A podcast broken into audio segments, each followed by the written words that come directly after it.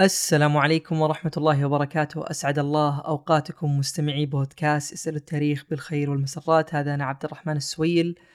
يسعدني دائما وأبدا متابعتكم لهذا البودكاست وتقييمكم أيضا له وإبداء آرائكم ومقترحاتكم في خانة التعليقات اللي دائما آه، أحرص شديد الحرص على قراءتها وتعني لي الكثير. وشكرا لكل من كتب وشكرا لكل من قيم.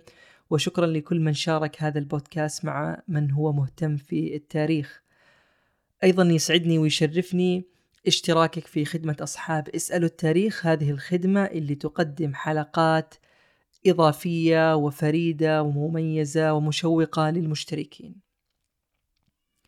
اليوم راح نأخذ حادثة يعني مشهورة ومعروفة في التاريخ الإسلامي وبالأخص في تاريخ الخلفاء الراشدين ألا وهي استشهاد ووفاة الصحابي الجليل عمر بن الخطاب رضوان الله عليه.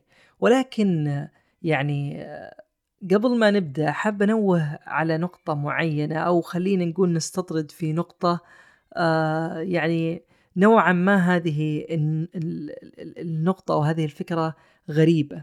عمر بن الخطاب رضوان الله عليه قبل وفاته أو استشهاده كان يدعو بدعوة غريبة جدا. هذه الدعوة جعلت يعني كل من حوله من الصحابة يتعجبون منها لأنها يعني بلغة العقل والمنطق هي دعوة غريبة. عمر في حجته الأخيرة اللي يعني حجها قبل استشهاده ووفاته كان يدعو الله سبحانه وتعالى ويقول اللهم كبرت سني وضعفت قوتي وانتشرت رعيتي فاقبضني إليك غير مضيع ولا مفرط. اللهم ارزقني الشهادة في سبيلك واجعل موتي في بلد رسولك. هذه الدعوة هي الدعوة التي جعلت الصحابة نوعا ما يتعجبون منها. يعني كيف يا صاحب رسول الله يا أمير المؤمنين يا عمر بن الخطاب أن تدعو الله سبحانه وتعالى أن يرزقك الشهادة في سبيله؟ وأيضا في نفس الوقت تدعو أن يجعل موتك في بلد رسوله لأنه المدينة كما هو معلوم والجزيرة العربية في ذلك الوقت هي يعني ليست آه، منطقة نزاع أو قتال أو أو آه، جهاد يعني كل هذه المنطقة هي منطقة آه، من زمن أبو بكر الصديق بعد خروج ال ال عفوا بعد خروج والله نسيت إيش الكلمة. لكن بعد خروج اللهم صل وسلم على نبينا محمد اللي هم لا إله إلا الله. والله راحت مني. آه جاء في بالي إني أقول كلمة الخوارج لكن هم ليسوا بخوارج. المرتدين. نعم المرتدين. راحت الكلمة من أول ابحث عنها. آه فالجزيره العربية استقرت في عهد أبو بكر الصديق بعد خروج المرتدين وكيف إنه سيطر آه، الصحابي الجليل أبو بكر الصديق رضوان الله عليه وجعل الجزيرة مرة أخرى تعود إلى الإسلام. فهي ليست يعني مكان قتال. القتال والثغور هي على جهة الروم وفي جهة فارس وفي آه، القارة الأفريقية في تلك الأماكن. فكيف أنت يا عمر تدعو الله سبحانه وتعالى أن يرزقك الشهادة في سبيله وأيضا في نفس الوقت الوفاة في بلد رسوله كانت دعوة عجيبة آه، غريبة ولكن عمر يعني رضوان الله عليه كان يدعو بها الله سبحانه وتعالى وكان موقن أن الله سيستجيب هذه الدعوة. المهم في مرة من آه، المرات خرج عمر بن الخطاب رضوان الله عليه في سوق المدينة. وإذ به يلقى من؟ يلقى رجل يقال له فيروز، هذا الرجل هو أبو لؤلؤ المجوسي، وكان أبو لؤلؤ هذا يعمل عند رجل اسمه المغيرة بن شعبة، وكان هذا عبد عنده. المهم فقام أبو لؤلؤ المجوسي وقام يشكو إلى عمر بن الخطاب رضوان الله عليه. يقول له أنه أنا فرض عليه خراج وهذا الخراج اللي أنا أدفعه يعني كثير جدا وهو مقداره درهمين في اليوم. فيعني أخبر أو بطريقة أو أخرى أريد أن يكون هذا الخراج أقل من ذلك. فعمر هنا سأله سأل يعني هذا الرجل أبو لولا حتى يعني يفهم الوضع أكثر وحتى يقرر ما إذا كان فعلا يستحق أم لا. فقالوا ما هي صنعتك؟ ما هو عملك؟ فقالوا أنا يعني أعمل في النجارة وفي النقش والحدادة. فعمر يعني قال له إنه هذا المبلغ ليس بكثير وإنه هذا الخراج هو يعني الخراج اللي يؤخذ ممن يعمل بمثل عملك فبالتالي هذا المبلغ ليس بالمبلغ الكبير. وقال له بعد ذلك بلغني أنك تقول لو أردت أن أعمل رحى تطحن بالريح فعلت الرحى هي يعني قطعتين من الحجر دائرية آه، يطحن فيها القمح وغيره وتكون يعني على يعني فوق بعضها. فهنا عمر يقول له إنه سمعت إنك أنت تقول إنه عندك رحى يعني لو أردت أن تعملها سوف يعني تطحن بالريح يعني حتى ما يحتاج يعني إنه أحد يحركها من شدة يعني ما أنت يعني ماهر. وطلب منه هذا عمر بن الخطاب طلب من أبو لؤلؤة أن يصنع له رحى وعلى يعني هذه الصفة اللي ذكرها. فهنا ماذا قال أبو لؤلؤ المجوسي؟ قال لأعملن لك رحى يتحدث بها من بالمشرق والمغرب.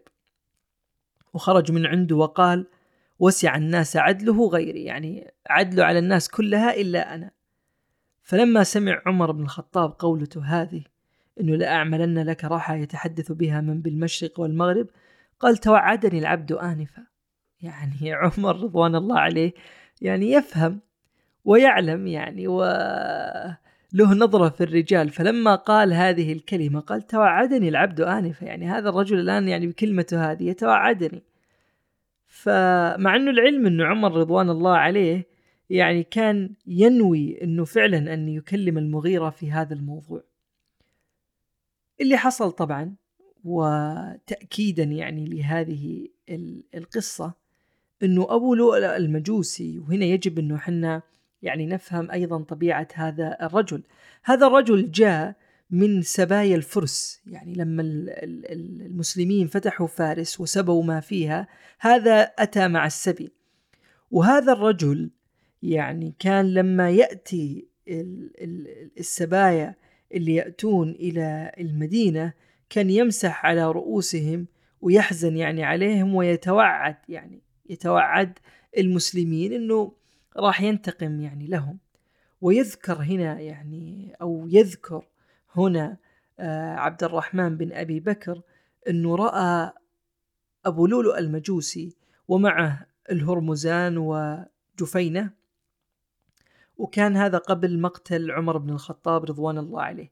كانوا الثلاثة هؤلاء يتحدثون ولما أتاهم وقفوا فسقط من بينهم خنجر هذا الخنجر له رأسان وكان يعني له شكل معين و الخنجر هذا له رأسان يعني نصلان يعني له كذا تصميم معين إنه يكون له رأسان. وراح نعرف لماذا يعني هذا الخنجر آه، بهذه الصفة أو عفوا لماذا هذه الصفة مهمة لنا. بعد ذلك انصرف عمر بن الخطاب رضوان الله عليه إلى منزله ومن الغد في اليوم التالي جاءه كعب الأحبار. وكعب الأحبار كان هذا يهودي ثم أسلم. طبعا لما جاءه جاء إلى عمر وقالوا يا أمير المؤمنين اعهد فإنك ميت في ثلاث ليال. يعني اجعل خليفة لك اجعل ولي عهد لك لأنك ستموت في ثلاث ليال. بعد ما قال له أبو لؤلؤ المجوسي ما قال يعني لما توعده وقال له أنه والله لأعملن لك راحة تتحدث بها المشرق والمغرب ففي اليوم التالي جاء وقال له اعهد فإنك ميت في ثلاث ليال قال يعني وقتها وما يدريك عمر يقول لكعب الأحبار. فقال كعب الأحبار أجده في كتاب التوراة. يعني أجده في التوراة عندنا. فعمر هنا قال الله إنك لتجد عمر بن الخطاب في التوراة. يعني يعني يعني غريبا يعني كيف إنك يعني وجدت في التوراة؟ عمر بن الخطاب موجود في التوراة. عمر في النهاية يعلم أنه ليس نبي ولا رسول حتى أنه يذكر اسمه في التوراة. فماذا قال وقتها؟ قال اللهم لا هذا قول كعب الأحبار ولكني أجد يعني صفتك ويعني بعض الكلام الذي يدل عليك. وفي خلاصة هذا الكلام أنك يعني سوف تموت. فعمر في ذلك الوقت ما كان به مرض ولا أذى ولا وجع. فالمهم جاء اليوم الثاني وأيضا قابل كعب الأحبار فقالوا بقي يومان. فجاء اليوم الثالث وقالوا يعني بقي يوم. ولما أصبح عمر في اليوم الثالث وكان آه يعني قائم إلى صلاة آه الفجر وكان يسوي الصفوف وإذ بأبو لؤلؤ المجوسي يختال الصفوف ثم يقوم بطعن الصحابي الجليل عمر بن الخطاب رضوان الله عليه. طبعا اختلف في عدد الطعنات ولكن قيل إنه يعني قيل ثلاثة وقيل لا بل طعنه ست طعنات ويعني وإحدى تلك الطعنات كانت تحت السرة وهذه الطعنة التي ستكون يعني سبب في وفاته. طبعا لما طعن هذه الطعنات سقط يعني عمر رضوان الله عليه وأمر عبد الرحمن بن, بن عوف أن يصلي بالناس وحمل عمر بن الخطاب إلى بيته. طبعا أغمي عليه و لأن من حوله كانوا يعلمون جيدا ما هو الشيء الذي يجعل عمر بن الخطاب يفوق من غشيته هذه وما وجدوا إلا أن يذكروه بالصلاة لأنه كانت الصلاة يعني عظيمة جدا في قلب عمر بن الخطاب فقالوا له الصلاة الصلاة. فلما سمع هذا النداء فتح عينيه وبدأ يقول كلمات يعني متقطعة آه، بغير وعي. الصلاة ها الله إذا ثم بعد ذلك قال لا حظ في الأسلام لمن ترك الصلاة. طبعا العجيب أنه عمر بن الخطاب يعني آه لما أصيب يعني هذه الإصابة يعني أول شيء يعني قام بعمله هو أنه حدد ستة من الصحابة يكون الأمر شورى بينهم للخليفة التالي. ووصاهم وحرص عليهم كثيرا أن يعني يتقوا الله في المسلمين وأيضا أوصاهم يعني بوصايا يعني أخرى فمثلا يعني قال وأوصي الخليفة من بعدي بالأنصار الذين تبوأوا الدار والإيمان أن يحسن إلى محسنهم ويعفو عن مسيئهم وأوصي الخليفة بالعرب فإنهم مادة الإسلام أن يأخذ من صدقاتهم حقها فتوضع في فقرائهم وأوصي الخليفة بذمة رسول الله صلى الله عليه وسلم أن يوفي لهم بعهدهم. واللهم هل بلغت؟ ويعني كلام كثير بعد هذا الكلام وقتها قال يا عبد الله بن عمر اخرج فانظر من قتلني. يعني كان هم عمر بن الخطاب اولا هو تحديد مصير هذه الدولة التي آه قد تكون على وشك يعني بداية فتنة لأنه معلوم يعني وفاة أي خليفة سيجعل الموضوع في أخذ ونقاش ويعني من سيكون الخليفة التالي وقد إنه الموضوع يصل إلى فتنة. لذلك عمر لم يرد أن يعني يحدث هذا الأمر فاختار هؤلاء الستة ووصاهم وقال أن الأمر شورى بينكم تختارون الخليفة آه التالي. ومع ذلك يعني شوف آخر كان هم عمر أن يسأل من قتلني. ما كان هو أول همه. طبعا لما سأل من قتلني قال له ابنه عبد الله أنه أبو لؤلؤة يعني غلام المغير بن شعبة. فوقتها قال عمر الحمد لله الذي لم يجعل منيتي بيد رجل سجد لله سجدة واحدة.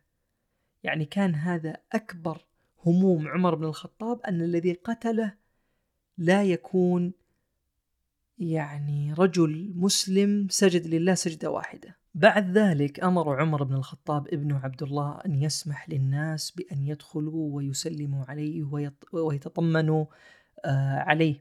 فلما دخلوا وبدأوا يسلمون عليه فكان عمر يقول لهم أهذا على ملأ منكم. يعني كان عمر يريد أن يحاسب نفسه قبل أن يحاسب الله سبحانه وتعالى. فكان يقول هل ما حدث لي وهذه الحادثة كانت على مرأى ومسمع آه، منكم وكنتم حاضرينها وكنتم تريدونها؟ يعني كان يريد أن يتأكد هل يعني هناك شيء في قلوبكم عليه؟ هل أنا مثلا ظلمتكم؟ هل هذا كان لسبب؟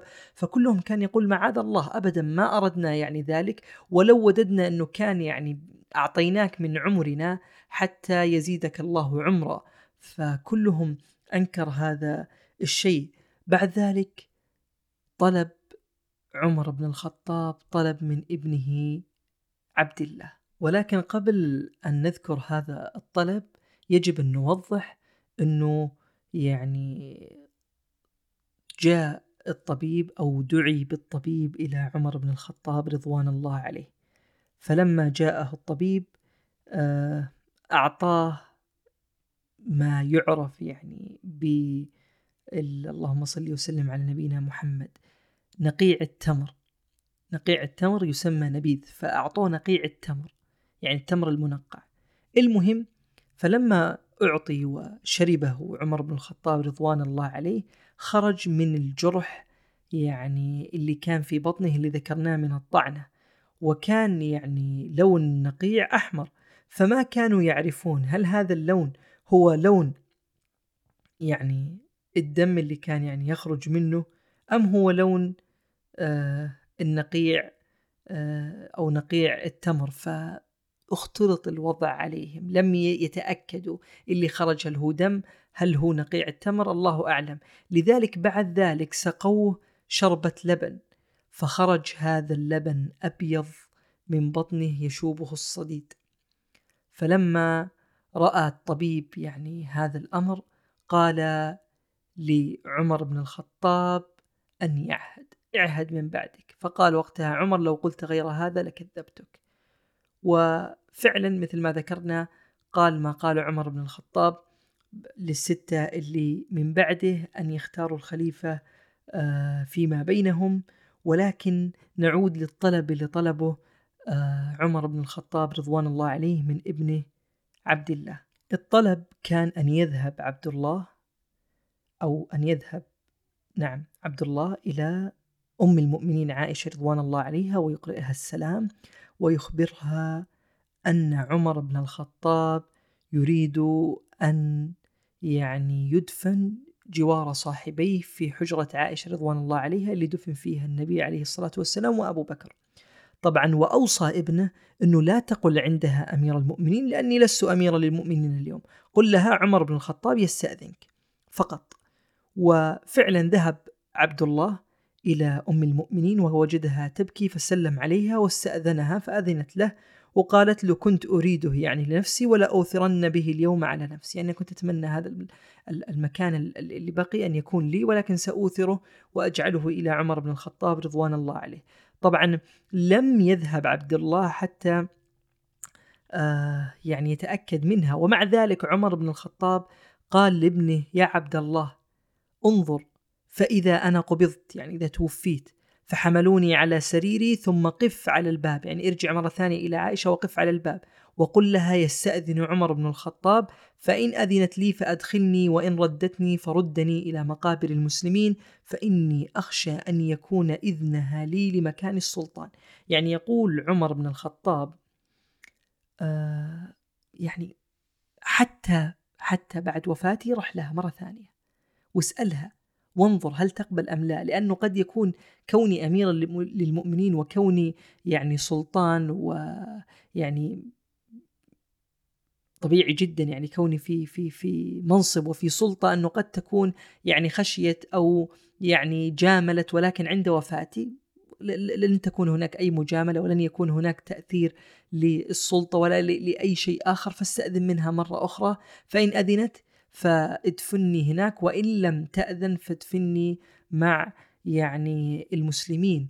طبعا أيضا عمر بن الخطاب كان يعني عليه دين فقبل وفاته آه كان يعني مهموم جدا وكان آه يعني تأكد أن يتم تسديد دينه قبل أن آه يتوفى. أيضا إضافة إلى ذلك دخل عليه ابن العباس وعلي بن أبي طالب وأثنى ابن العباس على عمر. وفي هذه اللحظة يعني عمر لما سمع هذا الثناء يعني قال لا تغرني أنت آه، وأصحابك. وأخذ يعني قال لابن عبد الله يا عبد الله خذ رأسي. يعني الوسادة فضعه في التراب لعل الله جل ذكره ينظر إلي فيرحمني. والله لو أن لي ما طلعت عليه الشمس لافتديت به من هول المطلع. طبعا هذا أو هذه القصة تنبئنا وتوضح لنا إلى أي درجة عمر بن الخطاب كان يعني حتى المدح يخشى منه. فلما أثنى ابن العباس عليه قال يعني انزل آه رأسي من الوسادة واجعله على التراب لعل الله أن يطلع لي ويغفر لي فكان حتى المدح يعني يخشى منه طبعا ما زال عمر بن الخطاب رضوان الله عليه يعني يذكر الله ويديم الشهادة حتى توفي رضوان الله عليه. طبعا وفاة عمر كانت يعني خطب يعني جلل وما كان يعني بالأمر السهل ولا بالهين. آه، يعني المسلمين في ذلك الوقت يعني كأنه أصابتهم مصيبة لم تصبهم مثلها يعني قبل هذا. فتوفى عمر بن الخطاب رضوان الله عليه واستشهد ولحق بصاحبيه وكانت هذه نهاية قصة هذا الخليفة العادل رضوان الله عليه. إلى هنا عزيزي المستمع تنتهي هذه الحلقة. أستودعك الله الذي لا تضيع ودائعه. كن بخير في أمان الله.